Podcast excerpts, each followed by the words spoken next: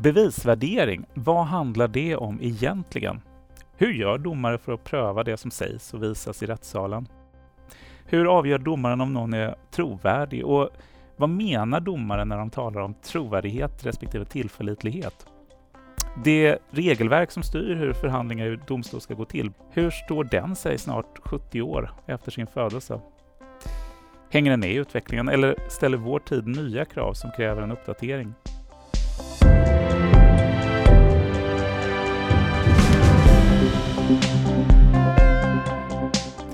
Temat för Domstolspodden idag är bevisvärdering och vi har två domare med oss för att diskutera detta intressanta ämne. Jag säger välkommen Johan Kvart, domare och domstolschef på Göteborgs tingsrätt. Tack så mycket. Johan, om du inte skulle arbeta som domare, vad skulle du göra då? Ja du, eh, jag är ju, är ju väldigt idrottsintresserad ja. Eh, och har ett stort och brett idrottsintresse så då skulle det säkert vara någonting inom idrott. Kanske något administrativt eh, inom eh, fotboll som jag brinner extra för. Klubbdirektör kanske? Klubbdirektör? Mm. Ja, då får du nästan säga vilket lag. Eh, ja, eh, det blir svårare att göra det eftersom jag bor i Skåne, eh, arbetar i Göteborg och har spelat i Västra Frölunda i tio år. Men jag har absolut en favoritklubb. Det är Frölunda som är min klubb. Frölunda, ja. Mm. Eh, spännande. Klubbdirektör på Frölunda. Mm. Får vi se. Ja, det är nog inte så stor risk, men, eh, eller chans, men visst. Härligt. Ylva Norling Jönsson, domare och domstolschef på Helsingborgs tingsrätt. Varmt välkommen till Domstolspodden. Tack så mycket. Kul att vara här igen. Igen? Du var med i premiäravsnittet. Det stämmer. Ja. Och jätte, jättekul att du är med och pratar om bevisvärderingsfrågor idag. Men jag måste ju kolla med dig också. Om du inte skulle arbeta som domare, vad skulle du göra då i så fall? Om jag skulle göra det jag hade velat göra, då är det ju absolut att jobba med hästar eftersom mm. det är min stora pension. Mm. Men nu är det så att jag är inte så himla bra på det, så jag är inte säker på att någon skulle vilja betala en lön för detta. Okay. så jag tror att om jag skulle välja ett annat yrke, då hade det absolut varit journalist. Oj. Om jag inte hade varit en del av makten, då hade jag velat vara den som granskar makten. Mm. Spännande! Det var uh, intressanta alternativa karriärer från från båda hållen. För att börja och börja beskriva ämnet bevisvärdering eh, som vi ska tala om. Bevisvärdering, vad är det egentligen Ylva? Vad är det vi ska prata om? Ja, bevisvärdering det är ju egentligen den eh, analys och den värdering som domstolen gör av det material som parterna lägger fram under rättegången. Mm. Och i ett brottmål så handlar det ju väldigt mycket om att pröva om den bevisning som åklagaren har för att påstå att ett brott har begåtts och att mm. det dessutom är en viss person som har begått det här brottet, mm. om den bevisningen når upp till tillräcklig styrka. Mm. Och det som åklagaren lägger fram, vad, vad, vad är det för material vi talar om där? Vi har någonting som kallas för fri bevisprövning mm. i Sverige och det är en jätteviktig princip. Mm. Eh, och då ska man egentligen börja med att vi dessutom har något som heter pri, fri bevisföring. Och det innebär att man får lägga fram vilken bevisning man vill och sen är det upp till domstolen att pröva den här. Mm. Så det kan vara allt möjligt. Det vi ofta tänker på, det är ju såklart muntlig bevisning, mm. det är förhör, det kan vara förhör med målsäganden, alltså brottsoffret, mm. och det kan vara förhör med olika vittnespersoner. Det kan också vara skriftlig bevisning. Det kan finnas fotografier, filmer, läkarutlåtanden, sakkunnigutlåtanden av olika slag. Det kan vara teknisk bevisning. Kanske har man hittat fingeravtryck, inte lika vanligt nu för tiden. Mm. DNA, mm. betydligt mm. vanligare nu för tiden.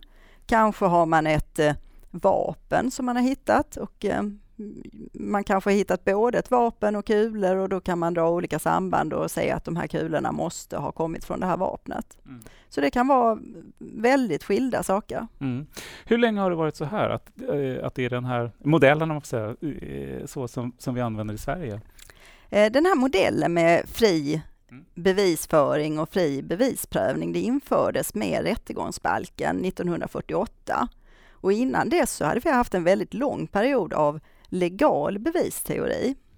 Och legal bevisteori, det betyder att man i lagen talar om vilken bevisning som får föras. Och sen talar man också om hur domaren ska värdera den här bevisningen. Mm. Till exempel så sa man att två vittnen är fullt bevis. Mm. Medan ett vittne bara var halvt bevis. Så det innebar att hade man två vittnen, då inte bara kunde man döma, utan man var tvungen att döma. Hade man bara ett vittne så kunde man inte döma. Ett erkännande ansågs också vara fullt bevis. Och det här gjorde då såklart att man var väldigt angelägen om att få fram ett erkännande och kunde också använda tortyrliknande metoder för att just få fram erkännandet. Och jag tänker på, eh, när du var inne på, på fri bevisprövning och eh, legal... Eh, eh, för många av oss som, som kanske ser eh, amerikanska eh, deckare och kriminalserier. Vi, I rättegångssalen, amerikanska rättegångssalar hör man ofta eh, ”Objection your honor”. Eh, Johan, vad, vad, är ”Objection your honor” eh, uttryck för varför hör man inte det i svenska rättssalar? Ja, man har ju eh, ett annat system i USA eh, än det vi har i Sverige och eh, där har man alltså inslag av den här legala bevisföringen. Det är inte tillåtet att åberopa en del bevis, sådan bevis som, som, som man anser har kommit till på ett olagligt sätt. Mm. Uh, och uh, därför så opponerar, opponerar sig då försvaret ibland och tycker att det här är något som inte får åberopas. Mm. Man hör ofta i sådana här filmer också när då domaren möjligtvis frågar vad, vad den här protesten eh, tar sikte på, så säger försvarsadvokaten hearsay, mm. eh, hörsägen. Mm. mm. Och, och, och, överhuvudtaget så, så pratar man mycket om vad som är tillåtet, eh, är det admissible eller inte. Mm. Man har, har andra regler eh, där, eh, så är det inte i Sverige. Ylva? Mm. Eh, det finns ett rätt intressant rättsfall som eh, just visar den här skillnaden på ett väldigt bra sätt tycker jag. Eh, och det är ett rättsfall som är från 1986 när det var fråga om ett rattfylleri och så hade man ett blodprov. Mm. Och då visade sig att det här blodprovet, det var taget av en laboratorieassistent och inte av en läkare eller legitimerad sjuksköterska som det egentligen ska vara. Och frågan var då om man kunde använda det här som bevis och det ansåg de svenska domstolarna att man kunde. Mm. Men i ett eh, system där man hade haft en formell bevisprövning, då hade man kunnat göra invändningen att det här beviset det har inte kommit till på rätt sätt för att det var en obehörig person som tog blodprovet mm. och då hade vi inte kunnat tillåta det. Risken finns ju då att man hamnar i en massa juridiskt hårklyveri där Eh, Eh, mycket av processen handlar om att man ska försöka sätta så många käppar i det juridiska hjulet som möjligt. Och, och eh, Som jag tolkar det så är det egentligen mer en fråga om eh, den svenska modellen är vad och den legala, legala är hur. Alltså hur har, hur har detta tagits fram? Kan man se det så enkelt? Ja, men alltså det handlar väl om att, att då, eftersom förundersökningar i USA, precis som i Sverige, leds av polisen, att eh, om man inte har tillstånd till husrannsakan, gör det ändå och gör fynd där, så går inte det att åberopa i en rättegång där. Eh, så att eh, det, det, är formaliserat på det sättet mm. och, och, det funkar inte så här. Sen är ju inte all, det kan man kanske tillägga, all bevisning är ju inte tillåten i, i en svensk domstol heller. Det finns ju eh, i princip är allt tillåtet men, men vi kan ju också eh, avvisa och säga att det där får, ni, får man inte ta upp. Kan, kan, kan, du ge något exempel? Det här var ju ja, undantagen. Ja, undantagen är, är ju det, det, det, inte helt ovanliga undantaget är, är ju att eh, vi i domstol bedömer att det här är irrelevant och har inte med saken att göra. Och då bestämmer vi att, att det vittnet, det, det tillåter vi inte för det kommer inte kunna tillföra någonting. Och det, det tydligaste exemplet på det som man inte får åberopa trots mm. att vi har den här fria bevisföringen, det är överskottsinformation från hemlig avlyssning. Eh, det händer ju att eh, polisen får tillstånd av domstol att lyssna på några personer därför att man eh, ska det utreda om de har begått ett visst brott, vi kan säga grovt narkotikabrott. Och så får man information om en annan brottslighet. Och då är principen att man inte får använda den informationen utom i vissa väldigt speciella fall. Det är det tydligaste exemplet. Men sen finns det också en annan bestämmelse som jag tror att vi kommer att prata mycket mer om när vi ska prata om framtid. Mm. Och det är att eh, om du hör ett vittne eller målsägande under rättegången, då får du inte heller åberopa vad den här personen har sagt under förundersökningen om den inte vid förhöret hos domstolen avviker från vad den har sagt tidigare. Och det är en väldig inskränkning i den här rätten till fri bevisföring som jag tror att vi kommer att återkomma till. Mm. Jag tänkte att vi eh, ska eh, gå in på beviskrav också. De kan se olika ut har jag förstått när vi pratar dels om brottmål och tvistemål men sen också beroende på om vi pratar om en häktning eller om vi talar om en fällande dom. Vad, vad finns att säga när det gäller beviskraven? Vilka beviskrav ställs för att någon ska häktas eller att någon ska fällas i slutändan? Ja, alltså det är olika krav för, för att, eller krav på bevisningens styrka i olika sorters mål. Och i brottmål så ska det ju vara eh, ställt utom rimligt tvivel att eh, den misstänkte har begått brottet. Och det är ju ett högre beviskrav än vad vi har i tvistemål. Mm. Eh, skälet till det är ju att eh, vi har ju en, ett tankesätt och en princip där det viktigaste är att det är viktigare att ingen oskyldig eh, fälls än att en skyldig frias och därför så tar vi höjd för det och har väldigt höga beviskrav i brottmål. I vanliga civilmål så, så är, är, eh, kravet lägre och, och, och, det beror på att syftet och ändamålet eh, med, med tvistlösning i civilmål är, är ett annat. Och sen är det ju om man vill komplicera saker så att olika typer av tvistemål har olika, kan, kan ha olika beviskrav. Mm.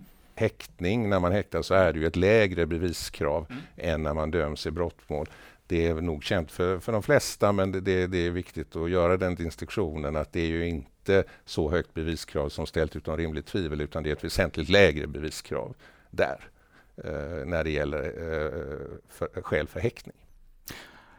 Och jag tänkte att vi skulle sticka in med två snabba som jag tänker rikta till Ylva för jag eh, tycker ibland när, när man läser om, eh, eh om brottmål så flaxade förbi begrepp som man pratar om teknisk bevisning, man pratar om stödbevisning. Om vi börjar med stödbevisning. Mm. Vad är stödbevisning? Stödbevisning, det är, eh, man har en huvudsaklig bevisning. Eh, till exempel i ett sexualmål så är det absolut vanligaste att det är målsäganden, alltså brottsoffrets mm. berättelse som är den huvudsakliga bevisningen. För att man då ska nå upp till det här väldigt höga beviskravet som vi har i brottmål så krävs det oftast också stödbevisning. Och det kan vara till exempel eh, kläder som är sönderrivna på ett sätt som stämmer överens med den berättelse som ges. Eh, det kan vara att målsäganden har berättat om ungefär samma sak för en väninna dagen efter. Eh, det kan vara en anteckning i en dagbok. Eh, det är helt enkelt någon bevisning som stöder eh, en annan bevisning, mm. kan man väl säga. Och den tekniska bevisningen? Ja, Ylva var inne lite grann på det innan. Det är väl ofta eh, vi pratar om, om eh, analyser av och undersökning av ett vapen. Vi pratar om spår. Eh, som sagt, idag så hittar vi inte så mycket fingeravtryck kanske, mm. eller polisen gör inte det. Men det gör man ibland. Och eh, DNA eh, men, men också, eh, vilket ju är väldigt vanligt idag, är att man eh, beslagtar mobiltelefoner och hämtar uppgifter från dem. Eh, sms eller, eller annat. Eh, det finns ganska mycket olika. Rättsmedicinska undersökningar är väl en annan form av teknisk bevisning, skulle jag säga. Sammantaget innan vi lämnar den här inledande frågan. Ni som domare, är ni mer lämpade än vanliga människor att göra den här typen av prövningar av vad som läggs fram i rättssalen? Ylva? Jag skulle vilja påstå att vi är det. Eh, Varför? Och det är därför att vi sysslar med det här varje dag. Vi blir väldigt vana att göra det. Och eftersom det är vårt jobb så läser vi såklart på. Vi läser olika teorier, vi sätter oss in i hur den här kedjan byggs upp och hur bevisvärderingen ska göras. Och det är helt enkelt vårt hantverk, precis som en IT-tekniker är skickligare på IT än vad de flesta andra är, så är vi lite skickligare på den här bevisvärderingen än vad gemene man är. Och en viktig bit i det här är ju också att i ett brottmål så är det inte domstolens uppgift att hitta sanningen, utan domstolens uppgift är att eh, värdera den bevisning som läggs fram och se, undersöka om åklagaren har nått upp till det här väldigt höga beviskravet ställt utom rimligt tvivel. Och då är det egentligen inte intressant vad jag som person tror eller tycker, utan det intressanta är om bevisningen är så stark och robust att man når upp till det här kravet. Och där tror jag att vi som domare då blir vanare vid att sätta våra egna tankar och tyckande åt sidan och istället göra den här analysen. Jag vill gärna instämma i det, det Ylva säger. Jag, jag är absolut eh, också den uppfattningen att, att vi är bättre än andra på det här och det vore väl sorgligt eh, nästan om vi inte var det. Det här är, det, är ju kvintessensen av, av, av det som man sysslar med i, i många domstolar. Eh, vi eh, övar och, och, tränar, vi läser på som sagt. Och det här är ju en, en, en, en, en intellektuell analys som, mm. som vi, vi eh, har stor erfarenhet och, och förvärvar stor skicklighet på. Och sen är det ju så, precis som Ylva säger, att, och det kanske är något av en besvikelse för, för somliga, att tingsrätten utforskar inte någon högre sanning utan, utan värderar ju bevisning och, och eh, då lär man sig att sätta sina egna eh, fördomar och, och, och, subjektiva tankar åt sidan. Eh, och så blir man bra på att vara objektiv och neutral. Bra. Jag tänker att vi ska prata om en sak eh, som är intressant, trovärdighet. Eh, Ylva, trovärdighet och tillförlitlighet. Vad är skillnaden mellan eller vad, hur definierar domstolen skillnaden mellan trovärdighet och tillförlitlighet? Mm. Då skulle jag vilja säga att trovärdighet, det handlar om huruvida en person är tillräknelig när den eh, lämnar uppgifter, till exempel när den ska vittna om någonting som har hänt. Eh, en nykter person är typiskt sett mer trovärdig än en onykter person. En person som inte är påverkad av droger är typiskt sett mer trovärdig än en person som är drogpåverkad. Eh, en person som är väldigt upprörd eller i en speciell sinnesstämning mm. kanske man inte heller tycker är lika trovärdig som en person som är, är lugn och koncentrerad. Mm. Tillförlitlighet däremot, det handlar om de uppgifter som personen lämnar och uppgifter kan då vara tillförlitliga därför att man kan kontrollera dem. Det finns alltså andra omständigheter som stödjer de här uppgifterna och som visar att jo, de uppgifterna stämmer eller mm. kan i vart fall stämma. Så att man brukar skilja på trovärdighet som mer har med person att göra och som kan vara lite subjektivt mm. Och eh, tillförlitlighet som har med uppgiften att göra och som är objektivt. Jag tänker också, eh, det vi är inne och pratar om när, när vi pratar om trovärdighet och tillförlitlighet, det är ju vittnesmål. Eh, vittnesed. Varför har vi en vittnesed, Ylva? Vi har en vittnesed därför att vi vill ställa upp regler som gör att vi ska kunna känna oss säkra på att vittnet inte medvetet ljuger. Mm. Och eh, det här är ju då kopplat till ett brott som heter mened och det går nog inte att prata om vittnesed utan att också nämna mened. Och om du tar jättekort vad mened innebär? Jättekort så ja. innebär det att om du medvetet ljuger eh, under ett, när du har avlagt vittnesed, då kan du dömas för det. Och mm. det är ett rätt allvarligt brott som man som regel får fängelse för faktiskt. Mm. Men får ingen ljuga i rättssalen? Jo, eh, det är bara de som har avlagt ed mm. som eh, eh kan, kan få ett menedsansvar, mm. som alltså kan dömas för mened. Den tilltalade avger aldrig ed hos oss och närstående till en tilltalad avger inte heller ed. Mm. Det finns andra rättsordningar där man avlägger ed även som misstänkt eller där man kan välja om man vill göra det eller inte. Mm. Men i vårt system så är det så att misstänkta avlägger inte ed och därmed så kan de ju inte heller dömas för mened. Nej. Och inte heller närstående. Sedan, sedan, kan man ju fråga sig uh, hur stor betydelse eden har och att man talar under straffansvar då. Att man mm. kan dömas för, för mened. Och jag tror att det är väldigt olika beroende på, på vem som är vittne. Jag tror att, att uh, det här straffansvaret och, och, att man kan dömas och ett normalstraff för mened är ju fyra till sex månaders fängelse. Jag tror att det, det absolut har sin funktion i vissa fall.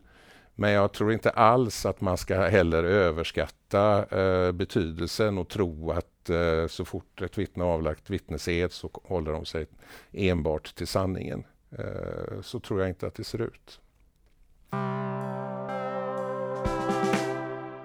Rättegångsbalken som vi nämnde tidigare eh, är från 1948 och den eh, styr hur rättegångar får gå till, eller ska gå till. Eh, hur står den sig idag, tycker ni? Vad säger du, Ylva? I stora delar så står den sig väldigt bra, vill jag börja med att säga. Eh, men det är också så att det har hänt ganska mycket sedan 1948. När rättegångsbalken infördes så var det ett svar på den eh, ordning som fanns tidigare. Vi har redan varit inne på att man hade en legal bevisteori där man alltså talade om vad domaren fick, eh, vilken bevisning man fick ha och hur den här bevisningen skulle värderas. Två vittnen var fullt bevis och så vidare. Eh, det var också så att man hade haft en inkvisitorisk process där domaren helt enkelt utredde eh, brotten i mm. domstol. Man kunde ta in nya vittnen och man ställde frågor och utredde det här. Och med rättegångsbalken så ville vi ha en tvåpartsprocess istället, där åklagaren då skulle föra statens talan mot den tilltalade som skulle försvara sig med hjälp av en försvarsadvokat.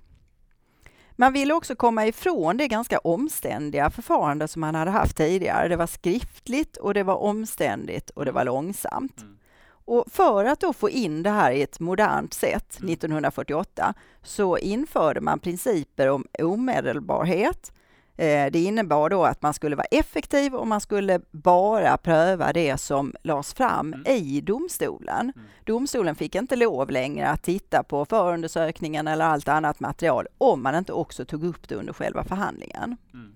Man skulle ha muntlighet eh, och det innebar då att vittnena skulle komma till domstolen och berätta om vad de hade iakttagit mm. och så skulle man titta på den här bevisningen och ta ställning till det.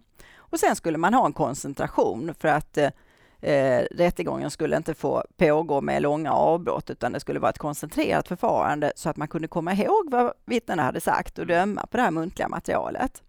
Eh, och det är ju principer som gäller fortfarande och jag skulle vilja säga att det funkar väldigt, väldigt, väldigt bra för ett eh, brott som är eh, inte allt för omfattande, koncentrerat i tiden, till exempel en misshandel vid ett tillfälle och där vi också har förhandling inom några månader. Då är det en bra ordning. Mm. Men samhället har utvecklats. Brottsligheten idag ser ofta helt annorlunda ut. Vi har många stora brottmål som pågår långa, långa tider, flera månader. Eh, det kan vara väldigt många tilltalade. Det kan vara oerhört komplicerat, till exempel stora bedrägerihärvor med hur mycket material som helst. Och då funkar inte den här ordningen lika bra längre. Om man tar just den här frågan om stora brott, eh, brottmål i, i praktiken, vad, vad, finns, vad finns det för typ av problem för domstolen eh, eller för, eh, för rättssamhället i stort när det gäller just stora brottmål sett ur eh, rättegångsbalken så som det ser ut idag? Vad tänker du Johan? Alltså rättegångsbalken eh, har, har ju ett system som går ut på att, att uh, det är samma regler för, för alla mål. Nu, nu har ju de här principerna som Ylva redogjorde för, de har ju luckrats upp uh, lite grann successivt under åren, men inte jätte, jättemycket. Mm. Utan egentligen är det så att, att vi har en ordning och det, den ordningen tillämpar vi för ett rattfylleribrott. Mm och ett, eh, en gigantisk ekobrottshärva som pågår i, i åtta månader. Mm. Och eh, då är inte regelsystemet, det passar inte bra. Eh, och, och, och, den enkla, lite, lite kanske vulgära beskrivningen är ju det att det är så oerhört mycket information och det är så oerhört mycket uppgifter och det är en förundersökning på 15 000 sidor. Mm. Så att det går liksom inte att, att uh, omfamna det materialet i, i en rättegång om man ska tillämpa de här principerna om, om, om eh, omedelbarhet, muntlighet och koncentration. Mm. Man måste få attackera materialet på ett annat sätt för att det ska fungera. Mm. Det, det, är ju som jag tolkar det, det ena. Det andra är frågan om teknikens landvinningar, teknikutveckling. Eh, hur, hur matchar teknikutvecklingen den gällande rättegångsbalken? Mm. Ylva? Eh, det är en jättespännande fråga och där tycker jag att eh, den bestämmelse som kanske ställer till det allra mest i en, i en eh, ny värld med mer teknik, det är den om bevisomedelbarhet som vi nämnde lite grann tidigare. Mm. Som alltså hänger ihop med att ett vittne som ska höras ska komma till domstolen och berätta där och domstolen ska döma på den berättelsen den här regeln har kommit till därför att man har menat att domstolen ska ha det bästa bevismedlet. Och det bästa bevismedlet är ju att höra utsagan direkt från hästens mun. Mm. Det ska alltså inte vara filtrerat mellan en massa olika led. Och därför så vill vi att vittnet ska komma till domstolen och berätta där och så ska vi döma på det. Istället för att vi dömer på någonting som en polisman har nedtecknat i ett mycket tidigare förhör. Mm. Eh, och den tanken är såklart bra på alla sätt och vis. Eh, dels kan det vara så att åklagare och advokater kan vara skickligare på att ställa, ställa, hålla förhöret än vad polismannen är. Det kan också vara så att man kan ställa bättre frågor när man vet vilket material som finns i övrigt. Mm. Och när polisförhöret hölls, då var det kanske väldigt tidigt i utredningen och man visste inte vad det skulle komma för övrig utredning. Men det här funkar som jag sa väldigt bra om vi ska utreda en misshandel som hände för ett par månader sedan. Men ska vi utreda en händelse som inträffade för två år sedan och där det är fruktansvärt komplicerat och massor med förhör, då skulle jag vilja påstå att den här tidiga utsagan kanske många gånger är bättre. Och då har vi idag en regel som säger att den tidiga utsagan, den tidiga berättelsen, den får vi bara åberopa om den nya berättelsen inför domstolen avviker. Och det här kan man ju tycka är lite konstigt kanske, för att om vi säger att principen är att vi ska bara döma på det som händer här och, och nu, så mm. kan man ju tycka att om förhöret som hölls av polisen för två år sedan spelades in med ljud och bild mm. och vi sen hade spelat upp det under rättegången, då tar vi ju faktiskt ställning till det här och nu och lyssnar på det live så att säga. Och där tror jag att tekniken har påverkat. Det är inte längre en nedteckning som en polis har gjort, utan eh, det kan faktiskt vara en ljud och bildupptagning. Och jag tänker att vi kommer över här på en, eh, en högst aktuell fråga. Ylva, du sitter med i en utredning som expert eh, som tar fasta just på frågorna kring rättegångsbalken och en översyn av den. En annan person som sitter med i den här utredningen har Domstolspoddens Fredrik Lassen pratat med. Det är Ola Stoltz från polisens nationella operativa avdelning som kommer prata om ny teknik som kan användas vid brottsutredning. Jag tänkte vi ska lyssna på detta och se vad ni säger kring det som Ola säger.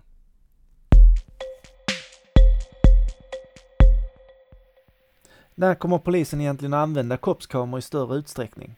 Ja, vi använder ju redan idag eh, kroppskameror, men då i mindre omfattning och det är framförallt personal i yttre tjänst och, det kan ju användas då särskilt i utsatta områden och idag så använder de flesta flertalet regioner har användning av kroppskameror. Sen pågår ett projekt vid Utvecklingscentrum i Stockholm för att utveckla användningen av kroppsburna kameror. Och samtidigt så pågår även ett arbete för att ta fram riktlin riktlinjer för kroppsburna kameror och det beräknas vara klart här vid årsskiftet. Och vilken betydelse kan det få som bevis? Ja, det kan ju få en ganska stor betydelse i och med att det kan ju fånga en första berättelse till exempel från en målsägare i, i, i tidigt skede också och, och, kan även få betydelse då för den fortsatta utredningen, förundersökningen. Så, så det, är, det är ett viktigt hjälpmedel i arbetet som kommer användas mer i framtiden. Sen en annan utveckling är ju att eh, polisförhör spelas in med både ljud och bild. Eh, detta används väl redan idag för barnförhör, men eh, kan det bli vanligare även vid andra förhör då? Ja, precis som du säger så gör vi ju redan det idag när det gäller barnförhör och utredningar som sker då vid, de, vid barnahus och eh, även vid brott i nära relation. Och vi använder sedan en lång tid tillbaka även förhör med ljud och bild när det gäller grova våldsbrott och, och även grova sexualbrott och, och de här grövre våldsbrotten och till exempel mordärenden, där använder vi som sagt redan idag. Men det kommer säkert öka. Kan det bli så att alla förhör spelas in med både ljud och bild? Nej, det, tror, det får väl framtiden utvisa lite grann. Men, men det, alla förhör kommer ju inte självklart kunna användas för ljud och bild. Vi gör ju över nästan en miljon förhör per år. Men det kan absolut användas för alla typer av förhör, både, både målsägare, vittnen, sakkunniga och misstänkta som sagt. Och, och, i vilken omfattning, det får lite grann framtiden utvisa men med största sannolikhet så kommer det användas mycket mer i framtiden. Och det förbereder vi oss också för att det kan bli så. Och vad är syftet att spela in förhör med både ljud och bild? Ja, det är ju för många av de inblandade kan det få en stor betydelse då att eh, även under förundersökningen så, så kan man fånga mycket av informationen tidigt och även för då de eventuella målsägare, vittnen som ska närvara vid en kanske påfrestande huvudförhandling så, så kan man göra de här tid, förhören tidigt och använda dem som bevis i rättegång, kommande rättegångar. I och med att många av de här rättegångarna har ju, kan ju ske långt, långt senare än händelse och då har vi fångat den här berättelsen och vittnesutsagan i ett tidigt skeende. Så det kan ju ha betydelse för många inblandade. Tack så mycket Ola.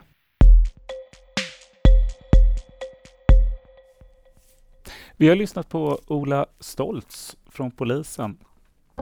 Vad tänker ni kring det som uh, Ola sa spontant? Spontant så tänker jag att uh, vi kommer att vänja oss vid att uh, det kommer att finnas eh, filmmaterial i mycket, mycket större utsträckning än vad vi har idag.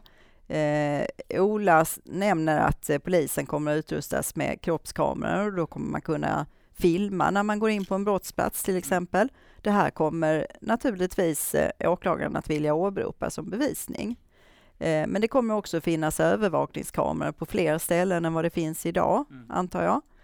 Och framför allt så kommer det att vara så att var och en kommer att filma med mobilkamera eller någon annan teknisk pryl i ännu större utsträckning än idag. Och den här bevisningen kommer man med vår princip om fri bevisföring att kunna åberopa och sen är det då upp till domstolen att värdera den.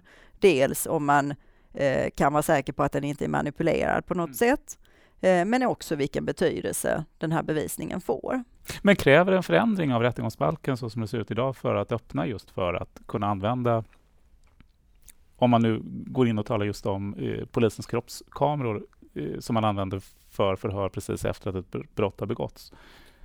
Ja, men det gör det ju av det skälet att eh, om, om eh, som man nämnde här, eh, fångar man en, ett brottsoffers berättelse och kanske någon som har stått bredvid och sett. Mm så är det inte så att uh, åklagaren kan spela upp det i, i, vid huvudförhandlingen utan då får, med dagens system så kallar man ju de här personerna mm. som istället får berätta om, om vad de upplevt.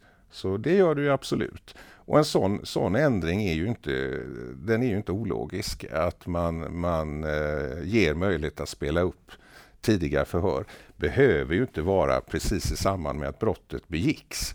Det kan ju vara ett, mm. ett inspelat förhör med ljud och bild, någon misstänkt som, som eh, har kanske varit frihetsberövad ett tag, eh, hunnit nyktra till och, och kommit i, i, i, skick och som kanske till och med har sin försvarare med sig, vilket mm. ju är en viktig aspekt i, i sammanhanget.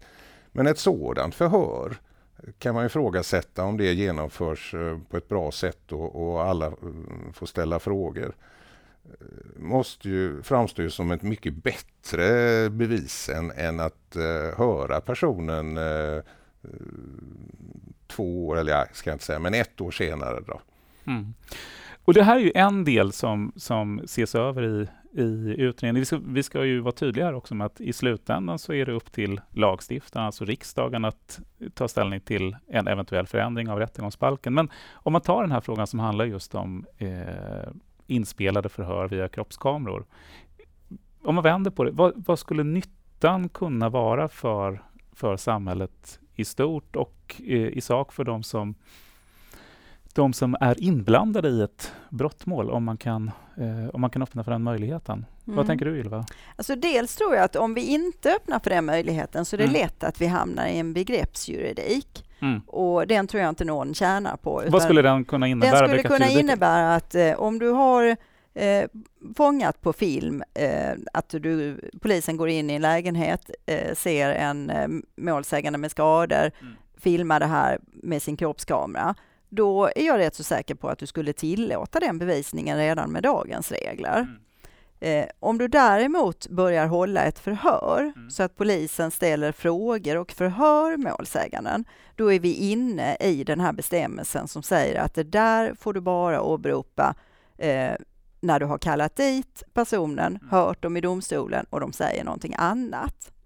Skulle däremot en annan person ta upp det här med sin mobiltelefon, mm. då kanske du hade hamnat i att detta är en skriftlig bevisning som du får lov att åberopa, alltså en film från den här eh, privatpersonens mobiltelefon. Och det tror jag för allmänheten skulle verka väldigt konstigt, att du kan åberopa den ena filmen men inte mm. den andra filmen.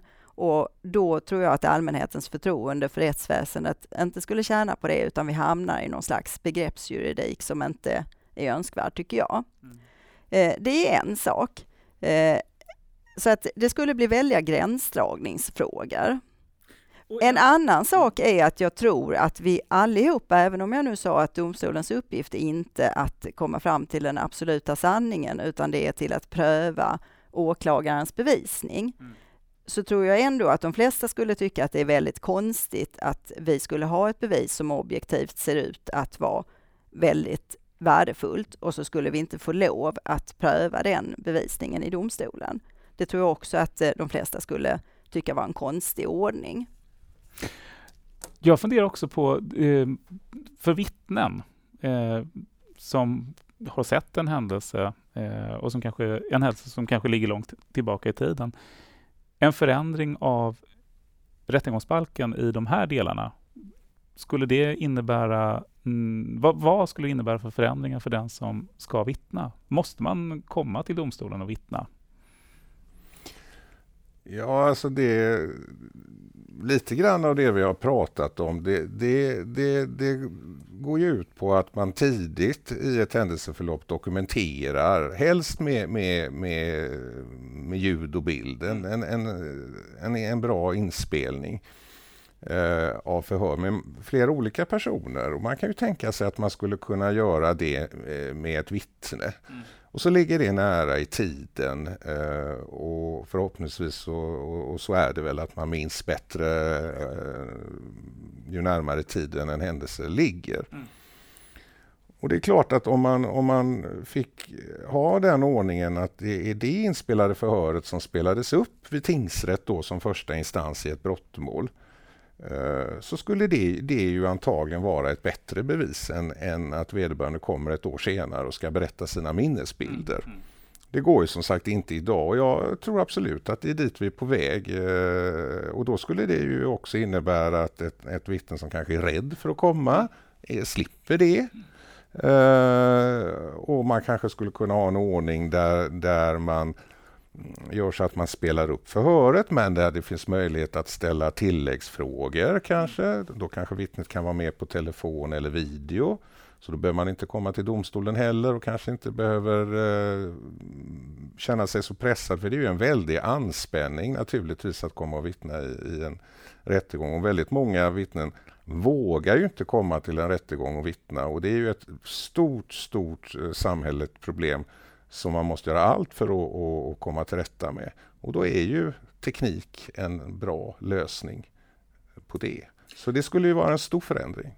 Och eh, jag tänker här också, för vi pratar om detta som, här finns det möjligheter, här finns det möjliga positiva eh, vinster att göra. Men i den andra vågskålen, vad finns det för utmaningar eller för, för faror när det gäller förändringar av rättegångsbalken? Mm.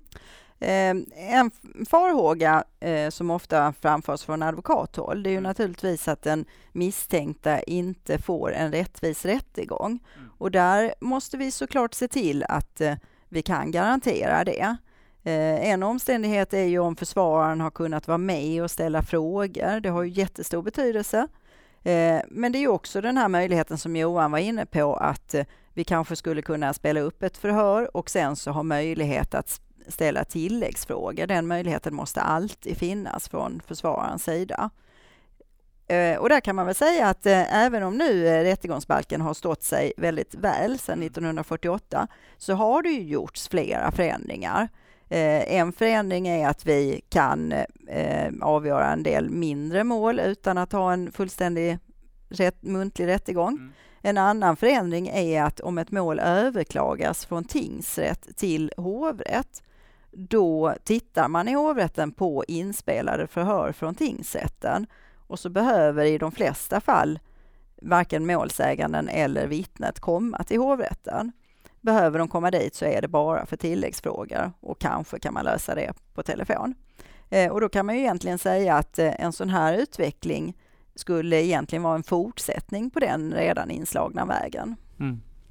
Om vi kort skulle eh, sammanfatta den här delen som handlar just om en framtidsspaning och ni skulle få önska någonting kring utvecklingen när det gäller rättegångsbalken och varför ni önskar det. Eh, vill du börja Ylva? Hur, hur, vill du, hur, hur skulle du vilja se en framtida rättegångsbalk? Mm. Vilka förändringar och varför? Ja, då ska jag bara börja med att ta avstampet 1948 en ja. gång till. Eh, och när vi då införde rättegångsbalken, då gick vi ju från den här eh, undersökande eh, rättegången där mm. domaren skulle utreda allting och så la vi lite mer ansvar på parterna. Mm. Eh, vi hade åklagare och vi hade advokater. Men på den tiden så var det så att varken advokatkåren eller åklagarkåren var så utbildad och så skicklig som den är idag. Mm. Eh, så därför så la vi visserligen ansvaret på dem, men inte fullt ut. Och nu tycker jag att tiden är mogen för att införa en fullt eh, ut tvåpartsprocess. Så jag skulle vilja att vi i brottmålsprocessen tänkte lite mer så som vi gör i tvistemål, nämligen att parterna fick ta ett ännu tydligare ansvar för vad rättegången ska handla om och att vi verkligen koncentrerade oss på vad är det som domstolen måste ta ställning till? Eh, och då hade vi kanske kunnat bryta ner en del av de här jättestora rättegångarna. Vi kanske inte hade varit tvungna att i bedrägerimål höra alla målsäganden om igen, utan vi kanske hade kunnat enas om att vi är överens om att målsäganden har sagt på det här sättet. Frågan är vilken bevisning som visar att Eh, den här tilltalade har gjort detta och detta och detta. Och då är det den här frågan och den här frågan och den här frågan som domstolen ska ta ställning till. Räcker den här bevisningen som åklagaren åberopar för att vi ska alldeles säkert veta att det är den misstänkte som har gjort det här? Räcker den här bevisningen för att vi ska veta att målsäganden faktiskt har överfört pengar från det kontot till det kontot? Och då hade vi kunnat få eh, mer koncentrerade rättegångar där vi kunde vara effektivare. En tydlig nytta är det. Johan, Mm. hur skulle du vilja se rättegångsbalken i framtiden om den förändras?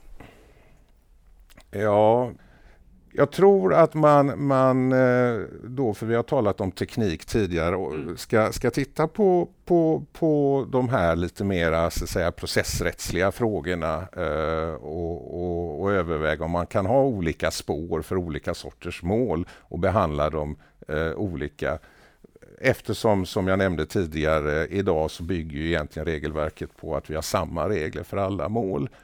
Man bör målanpassa eh, reglerna om rättegångar, processrätten. Sen så, eh, om jag får önska mig någonting, så tycker jag att eh, man kan diskutera eh, någon variant av det anglosaxiska systemet med plea bargaining. Och vad innebär detta? Eh, ja, alltså det är att den misstänkte och åklagaren kommer överens. Eh, eh, den misstänkte går med på att och, dömas för någonting mot ett visst straff och så släpper åklagaren kanske delar eller ger, ger till och med ett lite lägre straff. En överenskommelse i brottmål, precis som man kan träffa en överenskommelse om man tvistar om pengar. Det är ju inte så att man behöver ta det amerikanska systemet och det tror jag kanske inte man ska. Men, men eh, det är ju så med allting att om man omgärdar regler med tillräckliga rättssäkerhetsgarantier så, så skulle det kunna vara ett sätt att komma åt de stora svårutredda och ofta svårlösta eh, brottmålen. Tack! Domstolspodden idag har haft bevisvärderingsfrågor i fokus. Eh, vi har förklarat hur bevisvärdering fungerar idag. Vi har tittat lite in i framtiden också och sett vad som kan vara på gång. Och jag vill nu säga Ylva Norling Jönsson, Helsingborgs tingsrätt. Tack för att du ville vara med i Domstolspodden. Tack för att jag fick vara med. Och Johan Kvart, Göteborgs tingsrätt.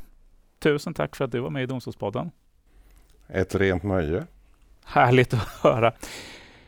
Från Domstolspoddens sida säger vi eh, tack och på återhörande och för alla de lyssnare som sitter på bra och roliga intressanta idéer på vad Domstolspodden skulle kunna ta upp framöver så vill jag säga att ni får jättegärna höra av er antingen via mail domstolspodden dom.se eller skriv era tips till oss på Twitter och använd då hashtaggen domstolspodden. På återhörande!